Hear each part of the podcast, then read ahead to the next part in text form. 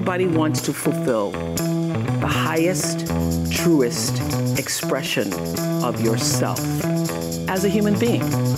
That's what you're looking for. My best advice is to really believe and love what you do. It's about how many times you stand up and are brave and you keep on going. We have been told to live by a certain mold, and it's time to break it. Stop waiting for men to do that. Just start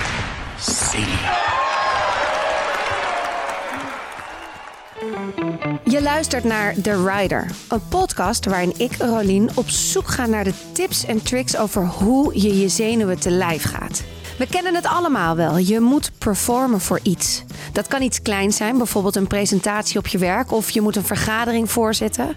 Maar het kan ook iets groters zijn, zoals een talk op een event of je eerste interview voor je eigen podcast. De zenuwen krijg je er gratis bij en kunnen je behoorlijk in de weg zitten. In deze serie ga ik met mensen in gesprek die het pad naar het podium al hebben bewandeld.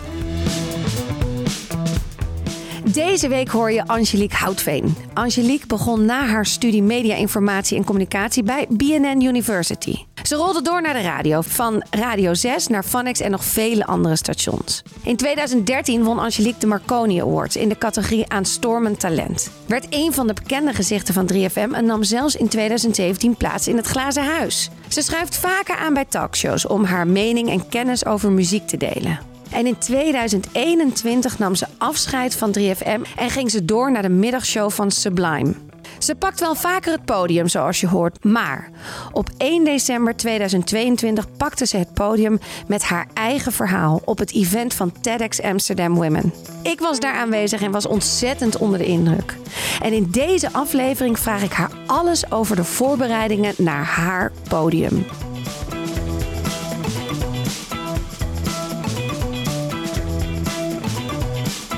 Gaan meteen uh, dan maar beginnen. En ik begin ook meteen met één vraag. Want dit, jij bent de allereerste in de rider. Jo. Dus ik moet nog een beetje zoeken hoe ik deze afleveringen in elkaar ga flansen. Ja. Maar uh, bij Hoeveel ben ik waard begin ik altijd met één vraag. Wanneer wist je voor het eerst wat je waard bent? En nu wil ik eigenlijk weer ook bij de rider altijd beginnen met de vraag...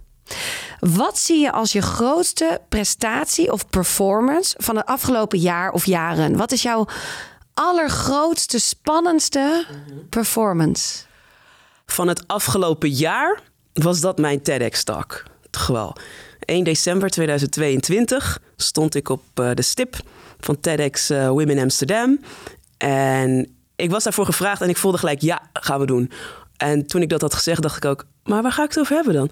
Je, en ik heb zoveel, die, zoveel onderwerpen om over te praten. En uiteindelijk dat ik nou ja, toch met een coach samen dat onderwerp heb gevonden. Het heel dicht bij mijn hart lag. Getraind heb om daar te gaan staan. En daar stond. En op een gegeven moment, soms voel je dat, midden in mijn spreek dacht ik, dit gaat goed. Dit gaat lekker. Ik kon ontspannen. En ja, ik liep het podium af en ik dacht, dit was geweldig. Ja. En daar ben ik zo trots op. Echt, Ja. echt trots op. Het was waanzinnig. Ik was daar toevallig Ja. bij. Maar ik wil heel graag even met jou helemaal naar... We gaan TEDx even helemaal uitlichten. Ja. Hoe, ont, hoe kom je op dat podium? Hoe is dat ontstaan? Dat TEDx-podium. Ja, Ja, ik werd daarvoor gevraagd. Dus ik heb een, eh, ik heb een agent, eh, MVP, Meerte van Pelt. En zij zei, eh, ja, ik ben benaderd door TEDx en ze willen graag dat jij daar iets gaat doen. Ik zei, oh. Ik zei, hoe zijn ze bij mij gekomen? Want mijn agent heeft nog meer eh, hele grote tv-sterren onder zich.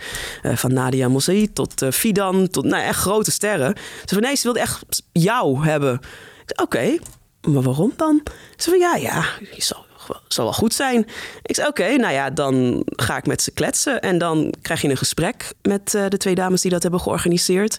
Om te oriënteren van, heb je ook echt wat te vertellen? En ik had een paar ideeën gepitcht. En ik zei, wanneer krijg ik dit te horen? Of ik, of ik dan ook echt eh, mag staan daar? En toen zei ze, nou ja, keek ze elkaar aan, zo via het zoomscherm. Ik denk dat we er wel uit zijn, toch? Dat je dit gewoon gaat doen. En opeens eh, was dat in motion. En dat was ergens in augustus of zo. Jeetje, maar, Ja. maar wat doet dat dan? Dat je dan. Ging er, gaan er dan kriebels door je buik? Of de- daarna doe, doe je zeg maar je zoom uit? Wat deed je een soort vreugdedans of ook een soort. Ah, wat, wat gaat er? Wat gebeurt er Ja, ik dan? vond opeens, opeens vond ik het heel spannend. Want ik had in zo'n vlaag ja gezegd en leuk. En dan dacht ik, dit is wel echt real hè. Dit is ook heel anders dan wat ik doe natuurlijk. Radio is eh, elke dag en korte spreeks over muziek. En nu moet ik echt een verhaal gaan vertellen van 12 tot 14 minuten. Dus ik dacht, ik heb wel wat, wat ideeën gepitcht. Maar vind ik dat dan ook echt wel interessant? En jeetje, hoe, hoe zit zo'n talk eigenlijk in elkaar? Dus ik was best een maand lang heel zenuwachtig. Want ik kreeg pas in september een coach toegewezen. En in die tussenperiode moest je met jezelf aan de slag. En toen dacht ik, ja, ik weet eigenlijk niet eens waar ik aan begonnen ben. Nee. Waarom doe ik dit eigenlijk? Het was zeg maar een soort droom dat ik het mocht doen. Maar toen ik het eenmaal mocht doen, dacht ik, oh god, Ja. en nu? En toen kreeg ik mijn coach, Eva Wilms. Zij is eh, vocal coach ook, maar dus ook sprekerscoach. En dat voelde direct vanaf het eerste moment al zo goed dat ik dacht, dit gaat goed komen, dacht ik. En dan ga je, je spreekt dan de eerste keer met haar af. Hoe Ja. ziet zo'n hoe, ziet zo'n date eruit? Het was ook via Zoom. En je kent elkaar natuurlijk helemaal niet. Ze had wel wat dingen van mij opgezocht en ik wat dingen van haar. Maar ik wist helemaal niet wat ik moest verwachten.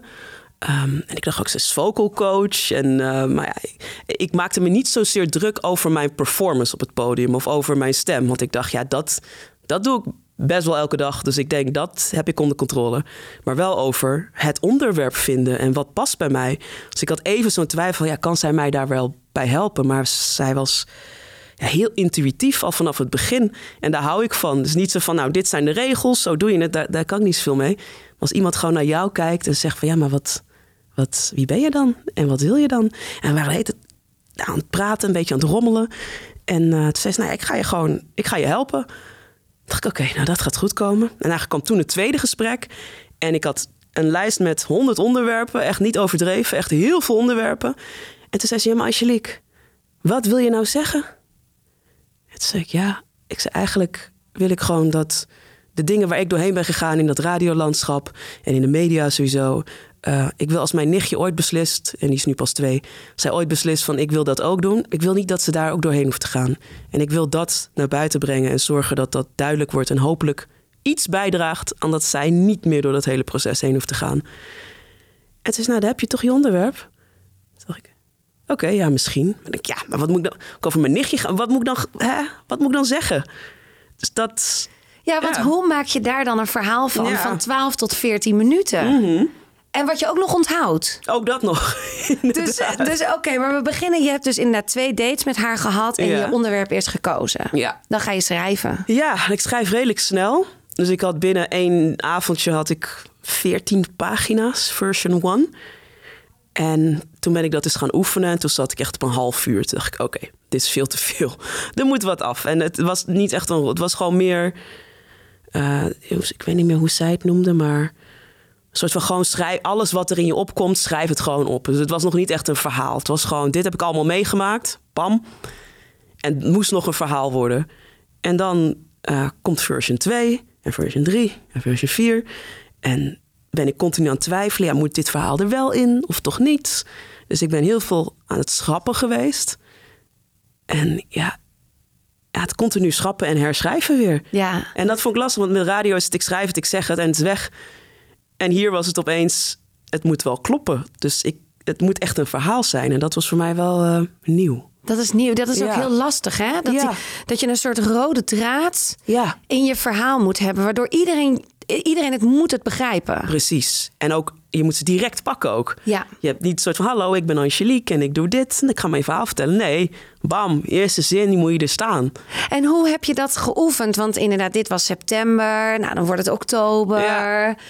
Mhm. November, dan komt die 1 december eraan. Hoe ga je dit? Ga je dit met vrienden oefenen of met Ja, ik was een week voor de TED Talk was ik in Barcelona met twee vriendinnen. En ik had alles op kaartjes uitgeprint. En toen liepen we langs de Sagrada en allemaal parken. En ik zat zo soms op het kaartje kijkende, soms uit mijn hoofd tegen hen dat een beetje aan te oefenen. En keek ik op mijn klok en denk ik, ah, 18 minuten te lang. En dan ging ik dat weer opnieuw doen. Dus zij hadden mijn verhaal al een paar keer gehoord. Maar toen ik terugkwam tot het laatste moment, heb ik ook nog dingen aangepast. Echt, mijn ultimate versie was op de dag zelf eigenlijk pas klaar. Omdat ik continu bleef schrappen. En dat, op een gegeven moment moet je voor jezelf gewoon een punt hebben en nu is het klaar. ja? Maar dat kwam bij mij redelijk laat. Ja, ben je perfectionistisch? Ja, helaas wel. En hoe uitzicht dat dan in deze situaties? Uh, het moest de aller, aller, allerbeste versie gewoon zijn. Ik zag het al helemaal voor me en ik, het, het moest mensen pakken van mezelf. Dus ik was redelijk uh, meedogenloos op mezelf. En dat weet ik. Ik bedoel, ik kwam niet lang daarvoor uit een burn-out. En dat had met allerlei dingen te maken. Maar perfectionisme speelt daar ook zeker een rol in. En dus ik wist het wel van mezelf. Dus ik was ook. Mijn coach moest me af en toe ook alert maken van het is goed zo. Het is echt goed zo. Het hoeft niet nog beter. Maar ja, voor mezelf denk ik altijd, kan, het kan altijd beter. En eigenlijk ook wel een beetje uh, in... Wij, hebben elkaar net even gesproken. Uh, je hebt een burn-out gehad, nog niet zo heel lang geleden. Nee, vorig jaar rond deze tijd zat ik nog gewoon uh, thuis op de bank. En dan neem je dus vervolgens een paar maanden later... Ja. best wel een van de heftigste klussen aan die je waarschijnlijk gaat doen. Ja.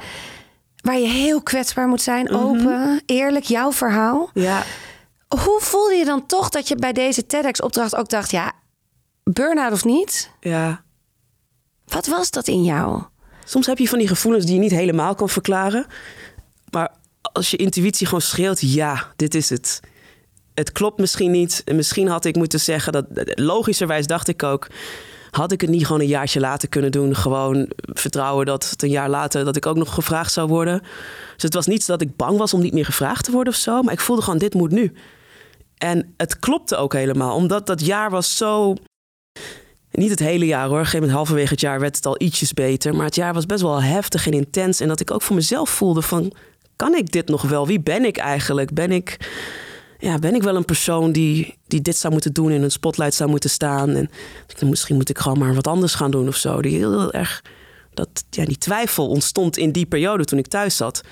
En toen ik van dat podium afliep, was al mijn zelfvertrouwen weer herwonnen. Dus het was voor mij ook een soort overwinningsmoment van... Ik, ik kom daar vandaan en ik ben nu weer hier ja. en ik ben weer mezelf. Is het, een, is het een ander soort podium dan radio? Ja, totaal. Hoe, hoe bevalt dit podium, het TEDx-podium? Goed. Heel erg goed. Echt tot, uh, dat ik denk, ik, ik wil hier meer van. En alsnog slaat dan de twee. Ik heb zo'n goed verhaal gegeven. Dan denk ik, ja, maar hoe moet ik het over gaan hebben als ik dit weer ga doen? Denk, dus daar ben ik nu in ontwikkeling in voor mezelf mee. Van wat zouden verhalen zijn die ik zou kunnen vertellen? Nog meer naast dit verhaal. Maar het is me heel goed bevallen. Uh, je hebt een publiek voor je. Dat heb je bij radio niet. Ik kijk gewoon in de leegte. En hier zie je hoe mensen reageren op je. Je hoort geluiden hoe ze reageren op je. Dat vond ik heel erg fijn. Je ziet ook gelijk wat het doet. En, en het is. Je werkt echt naar iets, iets concreets toe. Bijvoorbeeld die TEDx is ook gefilmd. Dus die staat ook op YouTube en is terug. Het is echt een product, soort van wat je hebt gemaakt. En dat voelt bij radio iets minder. Het is heel erg snel weg. En I love radio. Het is juist de kracht daarvan is dat het in het moment is. Dus je kan ook heel erg snel schakelen. Maar het feit dat ik echt iets neerzet, dat vind ik ook wel heel erg fijn. En een verhaal vertel. Eigenlijk op radio ben ik meer toch wel meer de verhalen van anderen aan het vertellen. Over de muziek, over de artiesten. Soms wat eigen input doorheen natuurlijk. Maar en nu vertel ik meer echt. Laat ik zien wie ik ben meer. Ja. Ja, je zit dus nu ook dat podium pakken. Ineens was dat er dus ook. Ja. En ben je daar klaar voor? Ja. Hoe voelt dat? Ja, heel, heel fijn. Vol zelfvertrouwen. Dus dat, uh, en nu is natuurlijk de volgende stap van wat moet daaruit dan ontstaan? Hoe maak je dat concreet? Maar ik voel ook wel heel erg een vertrouwen van een soort overgave. Dit was zo pardon, krachtig. Dit gaat komen. Dit, dit op hoe dan ook gaat zich, dit zich ontwikkelen. Tuurlijk moet ik wel iets voor doen, maar ik vertrouw dat dat uh, verder gaat ontwikkelen. Ja. ja, en ik wil nog heel veel terugkomen ook op... jij zegt dan, ja, wat is dan mijn volgende verhaal? Ja. Kijk, er zijn ook nog maar honderden mensen die dit verhaal hebben gehoord. Ja. Niet zo heel veel. Nee, ik bedoel, tuurlijk heel veel. En het staat op YouTube en mensen zullen het echt wel vinden. Misschien hebben duizenden het gehoord of misschien honderdduizend. Maar dan nog is dit verhaal, mag nog mag wel een miljoen mensen bereiken. Misschien wel twee miljoen. Ja. Ik, ik, ik geloof ook wel een beetje dat de kracht kracht van herhaling. Dat Ja. we, het is gewoon een heel mooi verhaal. Zeker, dankjewel. Ja, en misschien kan het ook nog, eh, wordt het steeds meer eigen en Ja. wordt het makkelijker verteld. Ja, en uitgebreid. Want kijk, je zit hier aan een limiet van 14 minuten, of 12 eigenlijk. Ik ging naar 14. Ehm, maar ik had nog zoveel meer te vertellen, inderdaad. Dus Ja. het kan ook een uitbreiding zijn van wat ik te vertellen heb. Dus je bent klaar om je podium te pakken. Ja, Leuk, heel Ja. leuk. Hey, en dan wil ik even helemaal ook weer naar de dag. Het is 1 Ja. december. Je wordt wakker 's ochtends. Mhm. Hoe voel je je dan? ik, voelde, ik werd heel goed wakker. Ik voelde echt van, ja, ik ben er klaar voor. Ik heb er zin in. En ik hoefde er pas later in de middag te zijn. Dus ik stond op, nou, rustig een beetje mediteren. Ik heb een eh, vriendin van mij maakt meditaties, Dolly.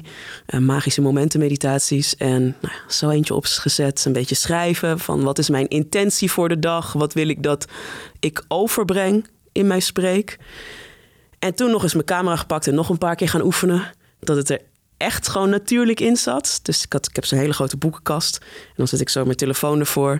En dan spreek ik bij wijze van spreken tegen de boeken. Dus ging ik dan nog een keer zo even nog, nog een keer oefenen. En dan nog een keer. En na drie keer dacht ik, volgens mij heb ik hem wel. Dus, en toen zakte echt een soort van alle ease in. En was ik gewoon super relaxed. Ik heb een koffertje ingepakt met twee outfits. Ik wist dat ik een paar spak wilde aandoen. Maar ik ken mezelf ook. Ik kan nog wel eens knoeien. Dus ik dacht ik voor de zekerheid ook nog een andere outfit in de, in de koffer. Haarspullen erin. En toen naar eh, Theater Amsterdam gereden. Eigenlijk nog steeds allemaal heel relaxed. En dan kom je daar binnen, word je opgewacht. En ehm, eigenlijk heb ik nauwelijks zenuwen gevoeld in een heel groot van, deel van dat proces. Dus ik kwam binnen, je krijgt je kleedkamer. Je zit met twee andere meiden op een kleedkamer. Nou, even lekker kletsen. Ik had ze al een keer gezien in de Zoom. En het werd pas dat ik mijn outfit aan had. Ik had het gestreken daar in alle rust. En toen moesten we de generale repetitie doen. En toen struikelde ik zo over al mijn woorden... dat ik dacht, oh jeetje, zit het er misschien toch niet zo goed in als dat ik dacht? En toen werd het wel even spannend inderdaad. Toen dacht ik, oh en nu? Want dit was de enige generale. En straks moet ik voor het echt. En dan weet ik niet hoe het gaat. En het is ook niet bij TEDx alleen dat er eh, publiek zit. Er staat ook een hele grote camera op je. Ja, Het is jouw echt moment van shinen, wat Ja. gewoon YouTube opgaat. ja, In het Engels. ja. Ook dat inderdaad, Wat- belangrijke. Ja, wat, wat gewoon TEDx Worldwide. Ik bedoel, wordt gewoon geluisterd. Wordt, kan je gescout worden. Ja, Dus er, er ligt ook wel een beetje druk. Ja, ontzettend veel druk Ja. inderdaad. Want ik dacht ook, kijk, als dit iets, iets is wat ik graag wil doen... dan kan ik het niet verprutsen nu op het grootste, een van de grootste podia's. Dan, dan moet, het moet nu wel gewoon gebeuren. Dus daar voelde ik opeens na die generalen wel heel veel druk op komen. Ik denk, als het zo gaat bij die generalen, dan ben ik niet blij. Dan is het niet goed genoeg. En hoe herpak je jezelf dan? Nou, gelukkig kwam mijn coach op een gegeven moment. Die was wat later, dus dat vond ik heel spannend. Ik denk, oké, maar er was nog, waren ook nog andere coaches van anderen. Ik zei, dat komt goed. Gewoon rustig blijven. En het, het, toch het, wat vaak wordt verteld... je kan beter een slechte generale hebben dan een slechte echte. En vaak als het bij de generale slecht gaat... dan gaat het bij het voor het echi gaat het dan wel goed. Dus daar durfde ik dan ook op te vertrouwen. En toen mijn coach er was, heel erg veel oefeningen gedaan. Dus echt nog tot het laatste moment voordat ik op het podium ging. Ademhalen, oef- ademhalingsoefeningen. Even in een gangetje gestaan. Oké, adem in. Hoe voel je je benen? Hoe voelt je buik? Hoe voelt je hart? Hoe voelen je schouders? Zorgen dat ik echt zo ontspannen mogelijk daar, eh, daar dat podium op ging. Dus jij hebt dan ook echt, want dat vind ik ook echt het allerinteressantste. Want je hoort gewoon ook heel vaak. En het podium pakken kan natuurlijk in een vergadering zijn Ja. die je spannend vindt in je relatie, Ja. in je gezin. Als, je, als er allemaal ruzie is in je gezin Ja. en je wil een keertje vertellen hoe jij de situatie. Mhm. Het podium is heel breed. Maar je voelt dan al inderdaad de zenuwen komen, klotsende oksels, hartslag. Hoe temper je die? Want jij zegt inderdaad ademhaling. Moet je ook even alleen zijn dan? Sowieso. Ik kan niet, als er te veel mensen om me heen praten, dat, dat, daar kan ik niet zo goed mee. Dus mijn coach was mijn rustpunt. En voor de rest moest er niet te veel gebeuren, inderdaad. Dus zij stond gewoon voor me, gaf me instructies. En dan was het goed. Maar in andere situaties, inderdaad, voor mij is het heel goed om te gronden. Dus ik moet zorgen dat ik mijn voeten voel. Want anders zweef ik en dan zit ik helemaal in mijn hoofd. Niet dat het dan altijd slecht gaat. Maar zeker als het heel belangrijk is, dan moet ik voelen van waar ben ik. Ik sta nu hier, ik sta achter de scherm, ik ga zo'n podium op. Oké, ik sta solid. Ik moet stevig staan. En weet je, soms even stampen met je voeten. Dat, dat, en dan voel ik even mijn buik. En dan moet ik gewoon weten van... Oké, als zijn er zenuwen, het mag er zijn. Maar ik moet mezelf voelen. Als Ja. ik aan het zweven ben, dan... Nou ja, ik denk dat het dan... Je boodschap komt wel aan, maar niet zo krachtig als dat als je echt staat en jezelf voelt. Ja. Je, want natuurlijk, de boodschap blijft hetzelfde... of je het nou vanuit je gevoel doet of vanuit je hoofd. Maar ik geloof heel erg in de kracht van wat je meegeeft aan energie. En die energie kan ik alleen meegeven als ik ook echt gegrond ben. En dat was ik op dat moment ook. Want ik weet ook van mezelf momenten dat ik het niet was. En dan voelt het anders. Ja. Maar je kon dus helemaal voor deze talk kon je echt kon je dus echt lukte het om te gronden. Ja, ja. Ja, dat was ook te zien in je performance. Ook die rust. Want ik geloof ook wel dat als je dus grondt, Ja. denk ik, dan komt er een bepaald soort kalmte. Ja, En dan ga je het gewoon doen. En ook al zou je kwetsbaar zijn en zou je dus over je woorden struikelen, dan was je geaard, dan maakt het dus niet uit. precies. Ja, Dan maak je heel veel dingen niet meer uit, inderdaad. ja. Want dan ben je gewoon iemand die een verhaal aan het vertellen is. Joh, een verspreking, wat maakt het uit? Terwijl als je in je hoofd zit en je maakt een verspreking... kan je zo de hele draad van je verhaal kwijt zijn.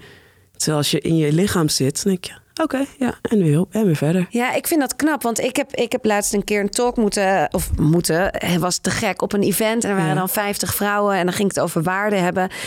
Maar ik zat zo hoog in mijn energie. Ja. Zo hoog in mijn ademhaling. Dat het... Dat ik helemaal... Dat, dan ben je dus zo chaotisch. Ja. En dat straal je helemaal uit. En nou durf ik wel kwetsbaar te zijn. Dus kan ik heel makkelijk zeggen... Oh, ik weet het echt helemaal niet meer. Whatever. Ja. Je komt er wel weer uit. Maar het lijkt me zo krachtig... als je zoiets doet, een talk of dat podium pakt... dat je dus vanuit die rust het podium pakt. Maar dat is dus echt voor jou ademhalen, inchecken bij jezelf. Ja, en blijven, blijven doen tot het laatste moment dat je het podium opgaat. En wat jij nu omschrijft, dat heb ik natuurlijk ook. Ik bedoel, je zei net, ik heb het glazen huis gedaan. In 2017 werkte ik bij 3FM, zat ik in het glazen huis. Zeven dagen lang, niet eten. En alleen maar camera's op je gezicht, mensen voor een huis. En presteren. Er waren zoveel momenten dat ik daar niet gegrond was. Dat ik gewoon echt dacht, ik weet niet wat ik aan het doen ben. Ik space en ik zweef en het, ik, ik praat wel, maar ik ben niet hier. Je? En dat, dat voelt chaotisch en misschien komt het er wel gewoon prima eh, oké uit. Maar voor mezelf voelde ik echt van, ik weet niet eens waar ik ben. En dat ik dat huis ook uitliep en dacht van, wat is er in godsnaam allemaal gebeurd? Dus dat is voor jezelf ook minder fijn. Terwijl dat TEDx-podium liep ik af en dacht ik, yes, I rock this. Dit Ja. was fijn. En ik kon er echt van genieten. Ja. En dat is het ook. Ik denk als je, nou ja, dat doe jij ook met regelmaat. Als je veel gaat spreken en je, misschien wordt het zelfs je baan. Je doet het wel omdat je het leuk vindt. Dus je wil ook het podium afkomen met een gevoel van voldoening. En als je dat niet, als het echt moeilijk wordt en pressure en, ah, en je zit in je hoofd, ja, dan op een gegeven moment wordt het ook niet leuk meer. Nee, zeker niet. Nee, dan is het een moeten. Ja, Ja. vanuit verkramping. Ja. Precies. En ik denk vanuit daar ontstaan nooit de magische dingen, de dingen die impact hebben. Hey, en hoe heb je je voorbereid? Want je, je ging dus erop, je was geaard, je ging het doen. Ja. 12 minuten, 14 minuten in de spotlights is best, kan ook heel lang zijn. Ja. Het is super kort, Ja. maar het is ook wel je moment van shinen. Ja. Stel nou dat je was gaan stotteren. Ja. Ja. Hoe had je jezelf kunnen herpakken? Ik denk dan weer in dat moment voelen waar je bent. Dat was ook de tip van mijn coach. Stel nou dat je middenin toch opeens even het helemaal kwijt bent. Ga weer terug. En maak je niet druk dat mensen je zitten aan te kijken. Want dat vaak denken we van, oh, maar iedereen kijkt, dus ik moet gewoon doorpraten. Je kan beter maar even een halve minuut gaan staan, gaan ademen, checken in bij jezelf. En dan weer verder met je verhaal. Dan dat je maar verder, verder, verder gaat en dan nou ja, denk je, waar ging het eigenlijk over? Ja. Zeg, het is, en vaak voor jezelf voelt elke seconde voelt als een minuut. Of als een uur zelfs. Maar voor mensen die merken dat niet eens. Maar als jij denkt dat ik sta hier even te ademen... en dat is vijf seconden, het publiek... Ja, heeft dat nauwelijks door, joh. Ja. Voor jezelf duurt het eeuwen, maar ja, dus eigenlijk wat ik hoor is dat stilte laten vallen is helemaal niet erg. nee. Nee. Ik denk dat daar juist een kracht in zit. Dat je liever dat iemand stilvalt en daarna komt diegene krachtiger terug... dan dat je zit te kijken en denkt van... meid, meid, meid, neem nou even rust. Ja. Dat heb je ook wel eens bij talks. Als je zit te kijken van... Ik weet niet, mij, doe even rustig aan.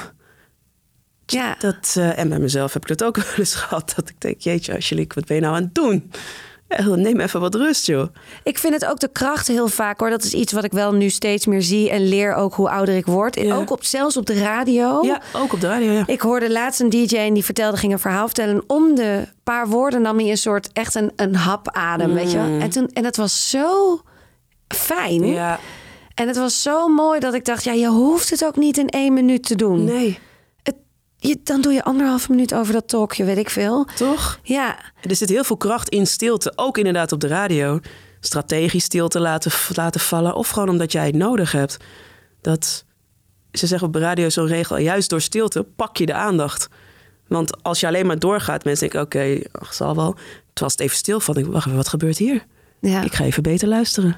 Maar stilte is zo awkward. Ja, voor onszelf wel. Ja.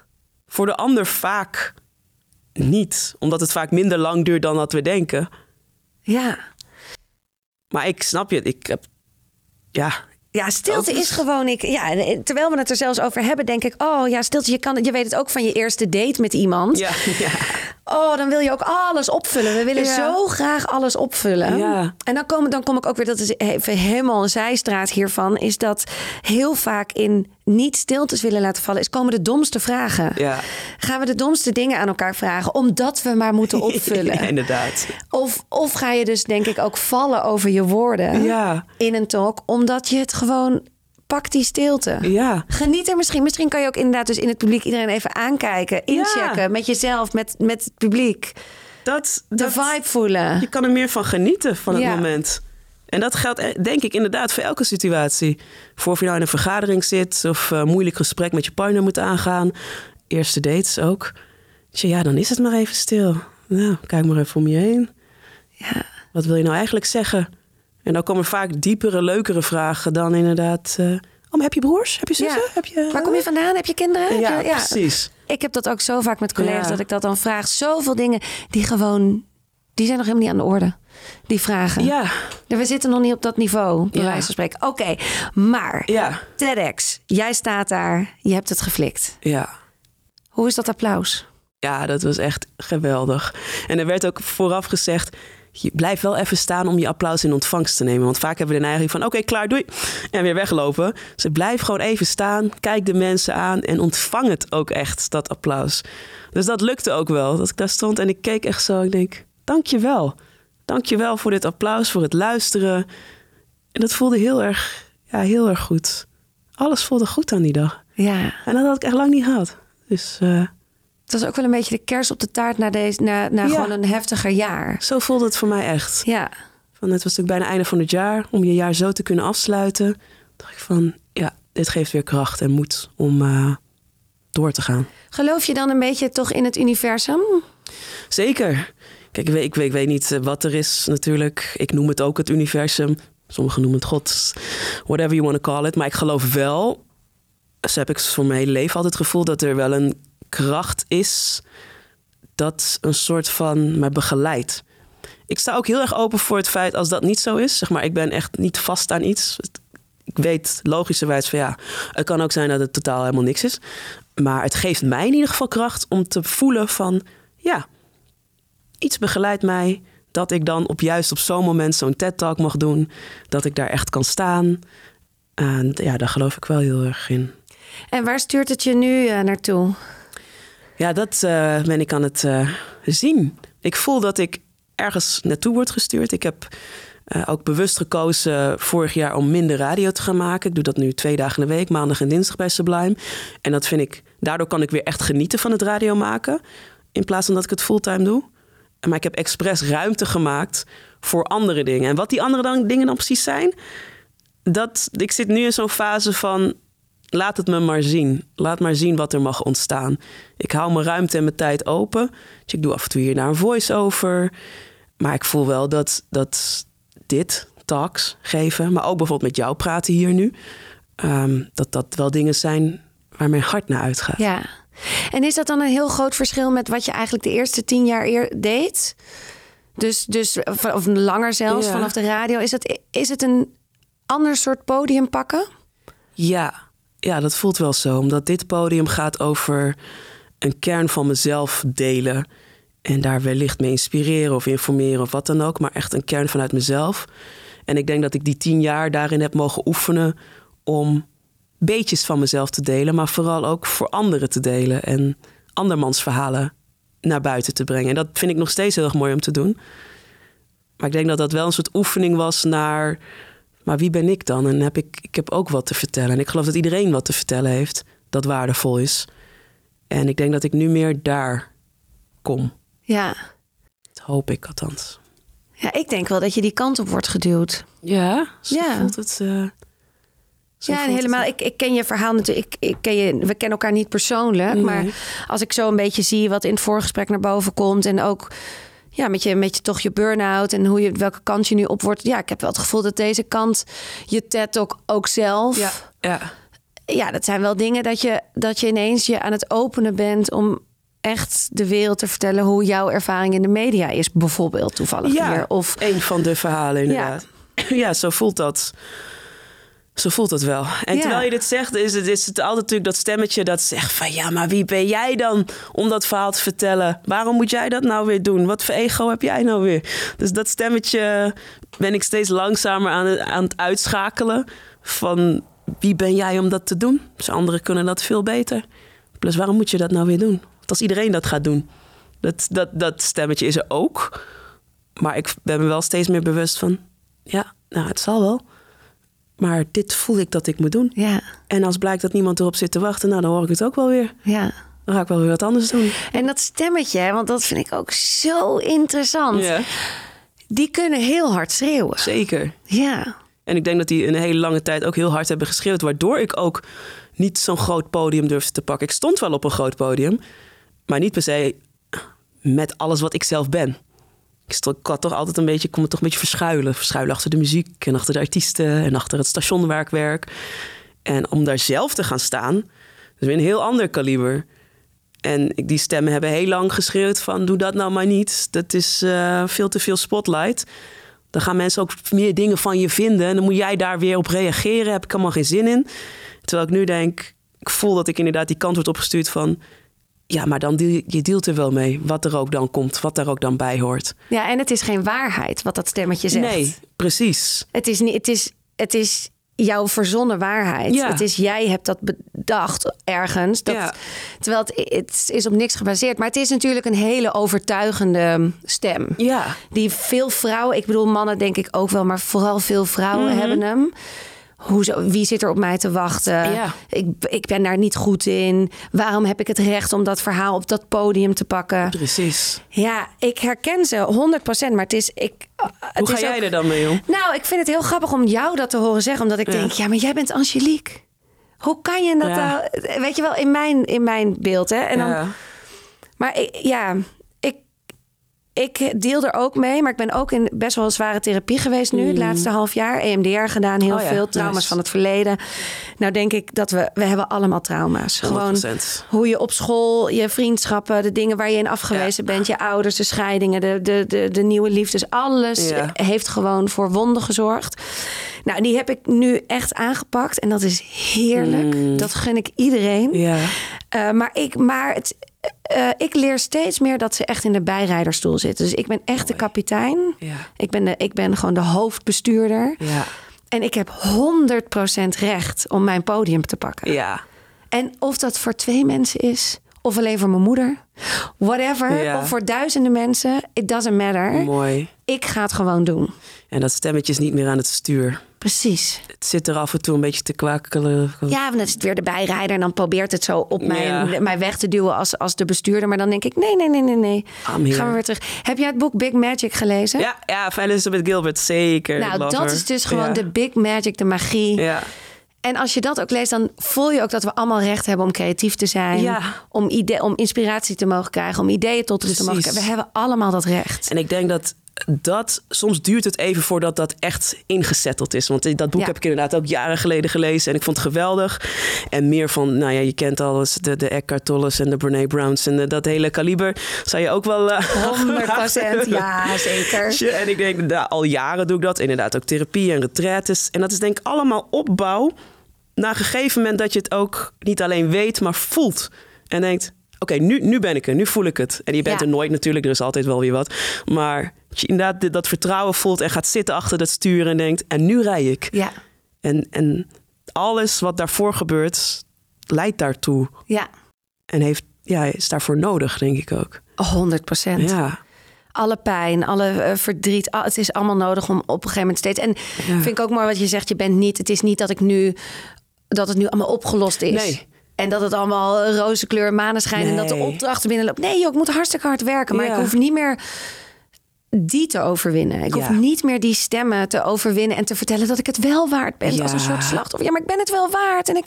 Nee. echt hè? Ja, dus dat is, en dat is heel leuk wat ik dus bij allemaal vrouwen zie die dus dat podium aan het pakken zijn. Waaronder jij, Denk je. eh, je eigen podium. Ja. hey, weer een andere vraag. Ja. Wat heb jij nodig, Mhm. de rider? Wat staat er op jouw rider? Wat heb jij nodig om een goede performance te leveren? Kan ook een flesje spa blauw zijn, hè? ja. Water sowieso, inderdaad. Goed, lekker. Groente eten. Ja? Voedzaam eten.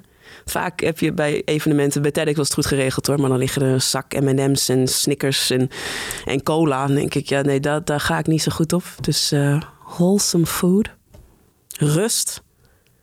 Echt, als ik in een kleedkamer zit waar te veel gebeurt en te veel mensen, dat, dan ga ik dan, ik heb wel echt rust nodig. En dan vraag ik me ook af, daar wil ik nog even op aanhaken, overal op aanhaken. Ja. Rust, hè? Ik snap dat je dat wil, maar als jij een hele grote volle kleedkamer hebt, hoe, hoe zeg je dan tegen iedereen: kunnen jullie even stil zijn? Ja, nee, dat gaat niet. Want ook hier bij TEDx zat ik met drie me- da- dames op een kleedkamer. Dus in de kleedkamer zelf was niet per se rust. En dan ga ik naar, naar het toilet of zo. Of dan zoek ik de rust maar op. En ik weet ook, kijk, de fase waar ik nu ben...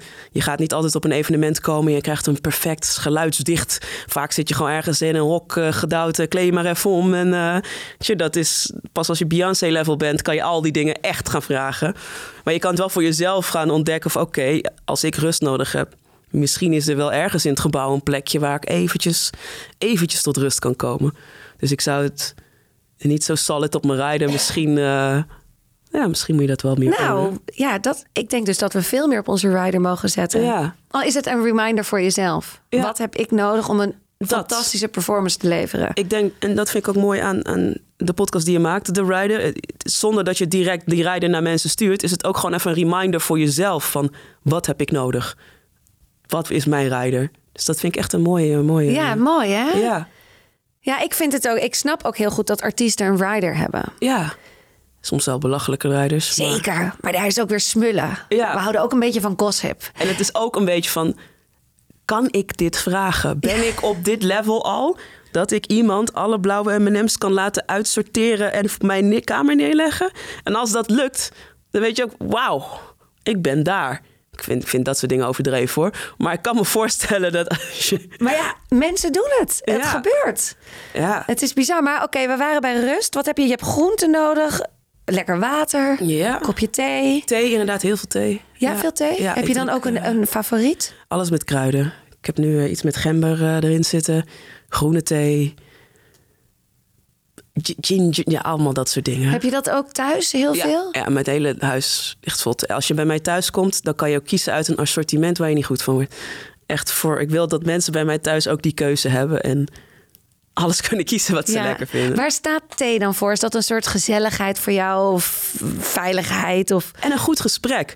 Zodra ik bij iemand kom, je- iemand bij mij komt, wil je een kopje thee? En dan schenk ik dat in en dan laat ik die doos zien van nou, kies maar. En dan ga je zitten en dan kan je het even gewoon lekker de diepte in. Je, dat zijn niet dan dat je het, of het weer gaat hebben. Dan ga je van oké, hoe gaat het met je? Wat, eh, wat speelt er allemaal? En dan zijn thee is voor mij echt van let's talk. Laten we het echt over iets gaan hebben, over echte dingen gaan hebben. Als je bij mij thuis komt natuurlijk. Ja, Hè? ja. Dus dat, eh, daar staat thee wel voor mij. Dus ook die veiligheid, rust, dat gebruik je dan waarschijnlijk ook voordat je weer gaat performen. Ja, Rust, wat was het nog meer? Ja, wat heb ik nog meer? Als het even kan, een luisterend oor, zoals die coach. Dat was, dat was dan wel weer fijn om zo iemand te bijten waar je even op kan terugvallen als, die, als dat stemmetje weer increept. Zijn je, ben je nog ook van het, eh, het kruisje slaan? En niet het letterlijke kruisje, maar wel mediteren sowieso. Maar wat ik vaak doe, ik zit ook wel eens bij talkshows op tv. En wat ik altijd dan even doe voordat ik, het programma begint, ik kijk altijd even omhoog. En ik weet niet naar wie ik kijk, maar als een soort guidance van, help me out. Dat het, en tot nu toe werkt dat altijd heel erg goed. Een soort van, do you protect me? Oké, dan kan Ja. ik gaan. Dus dat is ook iets wat ik vaak doe. Gewoon even omhoog kijken. Ook al is het gewoon een systeemplafond. Ja. Maar gewoon, Er zal toch daarachter wel weer iets op daarachter. Ja, precies. Ja. Nee, ja, mooi. Ja, eventjes eh, begeleiding. Ja, precies. Ja. Ook al is het maar voor jezelf. Ja, ik denk dat ik gewoon met die basisdingen. Kijk, in een ideale wereld zou ik ook wel een styliste willen hebben, bijvoorbeeld. Ik ben er niet een kei in mezelf aankleden, moet ik eerlijk zeggen. Dus het zou heel fijn zijn als er een rek met kleding staat en iemand zegt: Dit past precies bij jouw lichaam, doe maar aan. Want Sommige mensen houden ervan en zijn heel origineel en creatief met kleding en kunnen daar helemaal hun eigen identiteit in leggen. Ik ben daar heel slecht in. Dus ik wil iemand die dat het liefst voor mij doet. Dat zou ik ook wel op mijn rijder willen hebben. Oh, dat zou ik ook als eerste denk ik aanschaffen. Ja? Ja, het lijkt me fantastisch. Ik ben zo'n slechte shopper. Ik heb echt nul verstand van dingen. Nee. En eigenlijk zou ik dan nog een, een, een wardrobe willen... die eigenlijk alleen maar tweedehands is. Oh ja. Dus niks Oh, nieuws. ja, goeie. Ja. Hele goeie. Om gewoon... eh, ja, er zijn wel steeds meer bedrijven die dat natuurlijk Ja. aanbieden. Maar ik hoef geen nieuwe dingen. Mag ook lenen, huren, inderdaad. Maar Mooi. allemaal vindt het. Of tweedehands. Wel goed dat je dat aanstipt, inderdaad. Dat is zo'n punt waar ik bijvoorbeeld helemaal nog niet zo echt mee bezig ben geweest. Eh, maar wel steeds bewuster van wordt van ja, je hoeft niet de hele tijd iets nieuws te kopen. Je kan ook, het kan ook tweedehands. Dus Ja. Om je daar zo extra voor in te zetten met zo'n stylist te zeggen van ga maar tweedehands kleding Ja. uit. Ja, mooi. Ja, het lijkt me echt... eh, ja. Maar mijn kleding is inderdaad... Dat zou ook voor mij... eh, ja, heerlijk. Ja. En make-up en haar? Of kan je dat zelf? neem ik ook geen kei in. Eh, ik denk dat het me heel erg zou helpen als ik beter word in al die dingen. Want vaak sta je toch gewoon in je eentje, moet je het gewoon maar doen. Gisteren was ik ook bij Giro 555. En dan kwam ik toch even op tv. Nou ja, ik was mijn eyeliner kwijt. Ik ben ook helemaal niet goed in eyeliner. En dan, en dan natuurlijk zie ik er prima uit. Maar ik zag ook meiden zitten die daar fully make-up. Dat ik denk, wauw. ja, dat lukt mij niet in mijn eentje. Daar moet ik echt iemand hebben voor. Ja. Dat, eh, nee, dat zou ik, zou ik heel fijn vinden. Ja. Om een stylist bij de hand te hebben. Iemand die make-up doet. En haar ook. En haar doe ik sowieso meestal zelf. Want in vaak plekken waar ik kom zijn er geen mensen die echt met black hair kunnen omgaan. En mijn haar is kroes. Eh, dus dan doe ik het sowieso wel zelf doen. Maar ik zou het toch zo fijn vinden als iemand daar even echt verstand van heeft en dat kan doen. Er zijn er een paar hele goede in Nederland hoor. Maar dat, die zou ik wel naast mijn zij willen hebben Ja. voor optredens, ja. Visualiseer je wel eens zo, zo groot al, nu over je podium? Niet, niet op dit level. Nu jij dat vraagt, denk ik, oh ja, dat zou mooi zijn. Ik zit nu nog vooral in de fase van... eh, laat me eerst het verhaal creëren en gevraagd worden bij podia's. En podiums en Ja. dat dan doen. En als dat dan groter wordt... dan zou ik denk ik meer naar dat level durven dromen. Ja. Maar ik volg ook een cursus van een vriendin van mij. Het heet Surrender. Eh, Dolly, die ook die meditaties maakt. En vaak, zij zegt ook vaak denken we van... oh, dan komt dat ooit. Zeg maar, zeg maar wat als je het gewoon kan durven te vertrouwen... en dat het misschien al heel snel komt. Wat als je gewoon al direct naar een level gaat... dat je wel die stylist elke keer naast je zijde hebt. Dat het, we denken altijd maar, nou, zwoegen, zwoegen, zwoegen... en dan misschien over 15 jaar zit ik een keer daar. Het kan zomaar zijn dat jij gewoon heel goed bent in wat je doet... en dat je dat over een paar weken al hebt. Ja. Dus dat ook een beetje overgeven en niet altijd vanuit gaan dat het een soort keihard pad moet zijn om daar te komen. Ja, en altijd in tekort denken. Ja, Ja, dus gewoon in die grote verlangens mogen denken. Ja. ja. Ja, heerlijk. Maar ik vind dat ook een kunst als je dat kan hoor. Ja. Ik probeer het wel steeds meer door inderdaad. Journal jij wel eens? Ja, ja, heel veel, Dus ja. dat soort dingen, daar probeer ik wel soms mezelf heel groot te maken. Of heel veel mezelf toe te gunnen, te wensen. Ja. En dat is heel lekker, maar het blijft ook wel altijd. Ja, het is gewoon ook eh, heftig of zo. Of ook. Ja, het is, we zijn het niet gewend. We leren het niet. We leren het eerder af. Ja, zeker. Dus je bent die grote kapitein. Mijn kinderen zijn allebei Jack Sparrow. Oh. Weet je, die, zijn, die vinden zichzelf echt de grootste, stoerste piraat van de hele wereld. En op een gegeven moment dan zijn ze tien en dan zeggen we... nee, maar dan moet je niet meer van jezelf Ja. zeggen hoor. Dat, hou op. Een beetje ego, Ja. een beetje wie denk je wel niet dat je bent. Ja. Die vibe. Ja. En dat eh, is zonde. Zo zonde, Ik denk dat we ons wat meer mogen aanleren om niet, niet groter dan anderen of zo, maar gewoon voor jezelf je eigen Ja. grootheid te voelen. Zeker. Ja. En ook soms voel je dat als je dat schrijft. En real life, real life is ook real life. Vervolgens moeten gewoon weer boodschappen gedaan worden. Het huis moet worden opgeruimd. Ik heb geen kinderen, maar als je nog kinderen hebt, die staan ook, we willen ook weer dingen van je. En dat is ook real life. En Ja. dan zit je helemaal even in je droomwereld. En dan komt real life. En ik denk de kracht is gewoon steeds vaker momentjes zoeken waar, waar je die grootheid kan voelen. Want het leven kan je soms zo op een rijt meenemen dat je een jaar verder bent en denkt... Oh ja, ik had allemaal grootste dingen, maar eh, ik weet niet wat daarmee is gebeurd. Ja. ja, dat is ook zonde. Ja, het is niet erg, want dat is ook het leven. Maar het is fijn als je, noem het zelf, je comeback rate wat sneller is. Dus dat je, tuurlijk, we raken allemaal even de weg kwijt soms.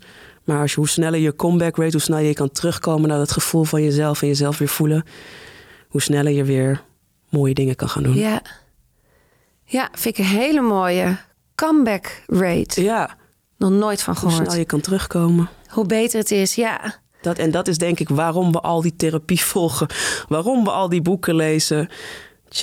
Om sneller te kunnen terugkomen. Soms gebeurt iets, je relatie gaat uit en ben je zo'n half jaar eruit. En ik denk de kunst is om steeds sneller... Of, nou, nou, niet, niet omdat het snel moet, maar je moet gewoon alles voelen wat je moet voelen. Ja. Dat je, maar dat je niet zo lang meer blijft hangen in allerlei dingen.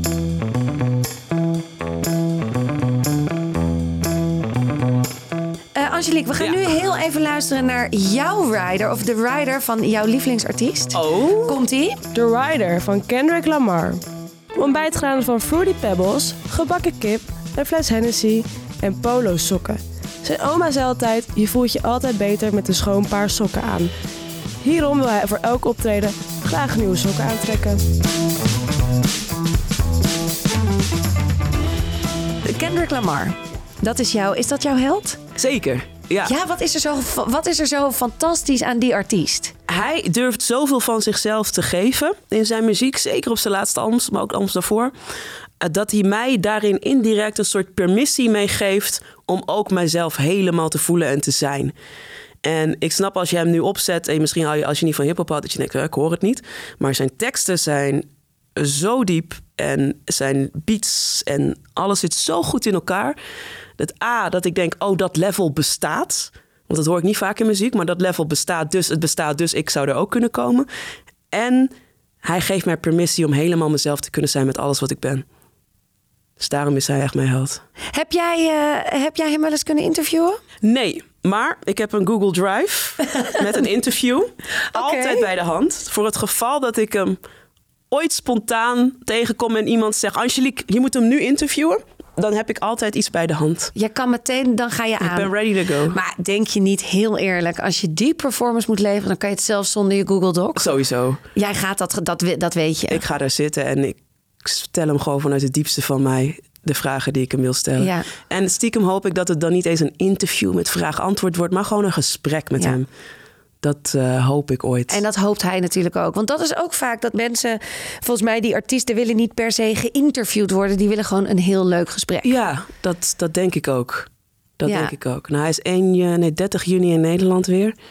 Dus Ga je naar zijn concert? Ja, het is een festival waar hij staat, maar ik ga daar wel naartoe, ja. En dan hoop ik... eh, ik heb hem ook op Coachella gezien en laatst in, in Ziggo Dome twee keer. En You're a fangirl.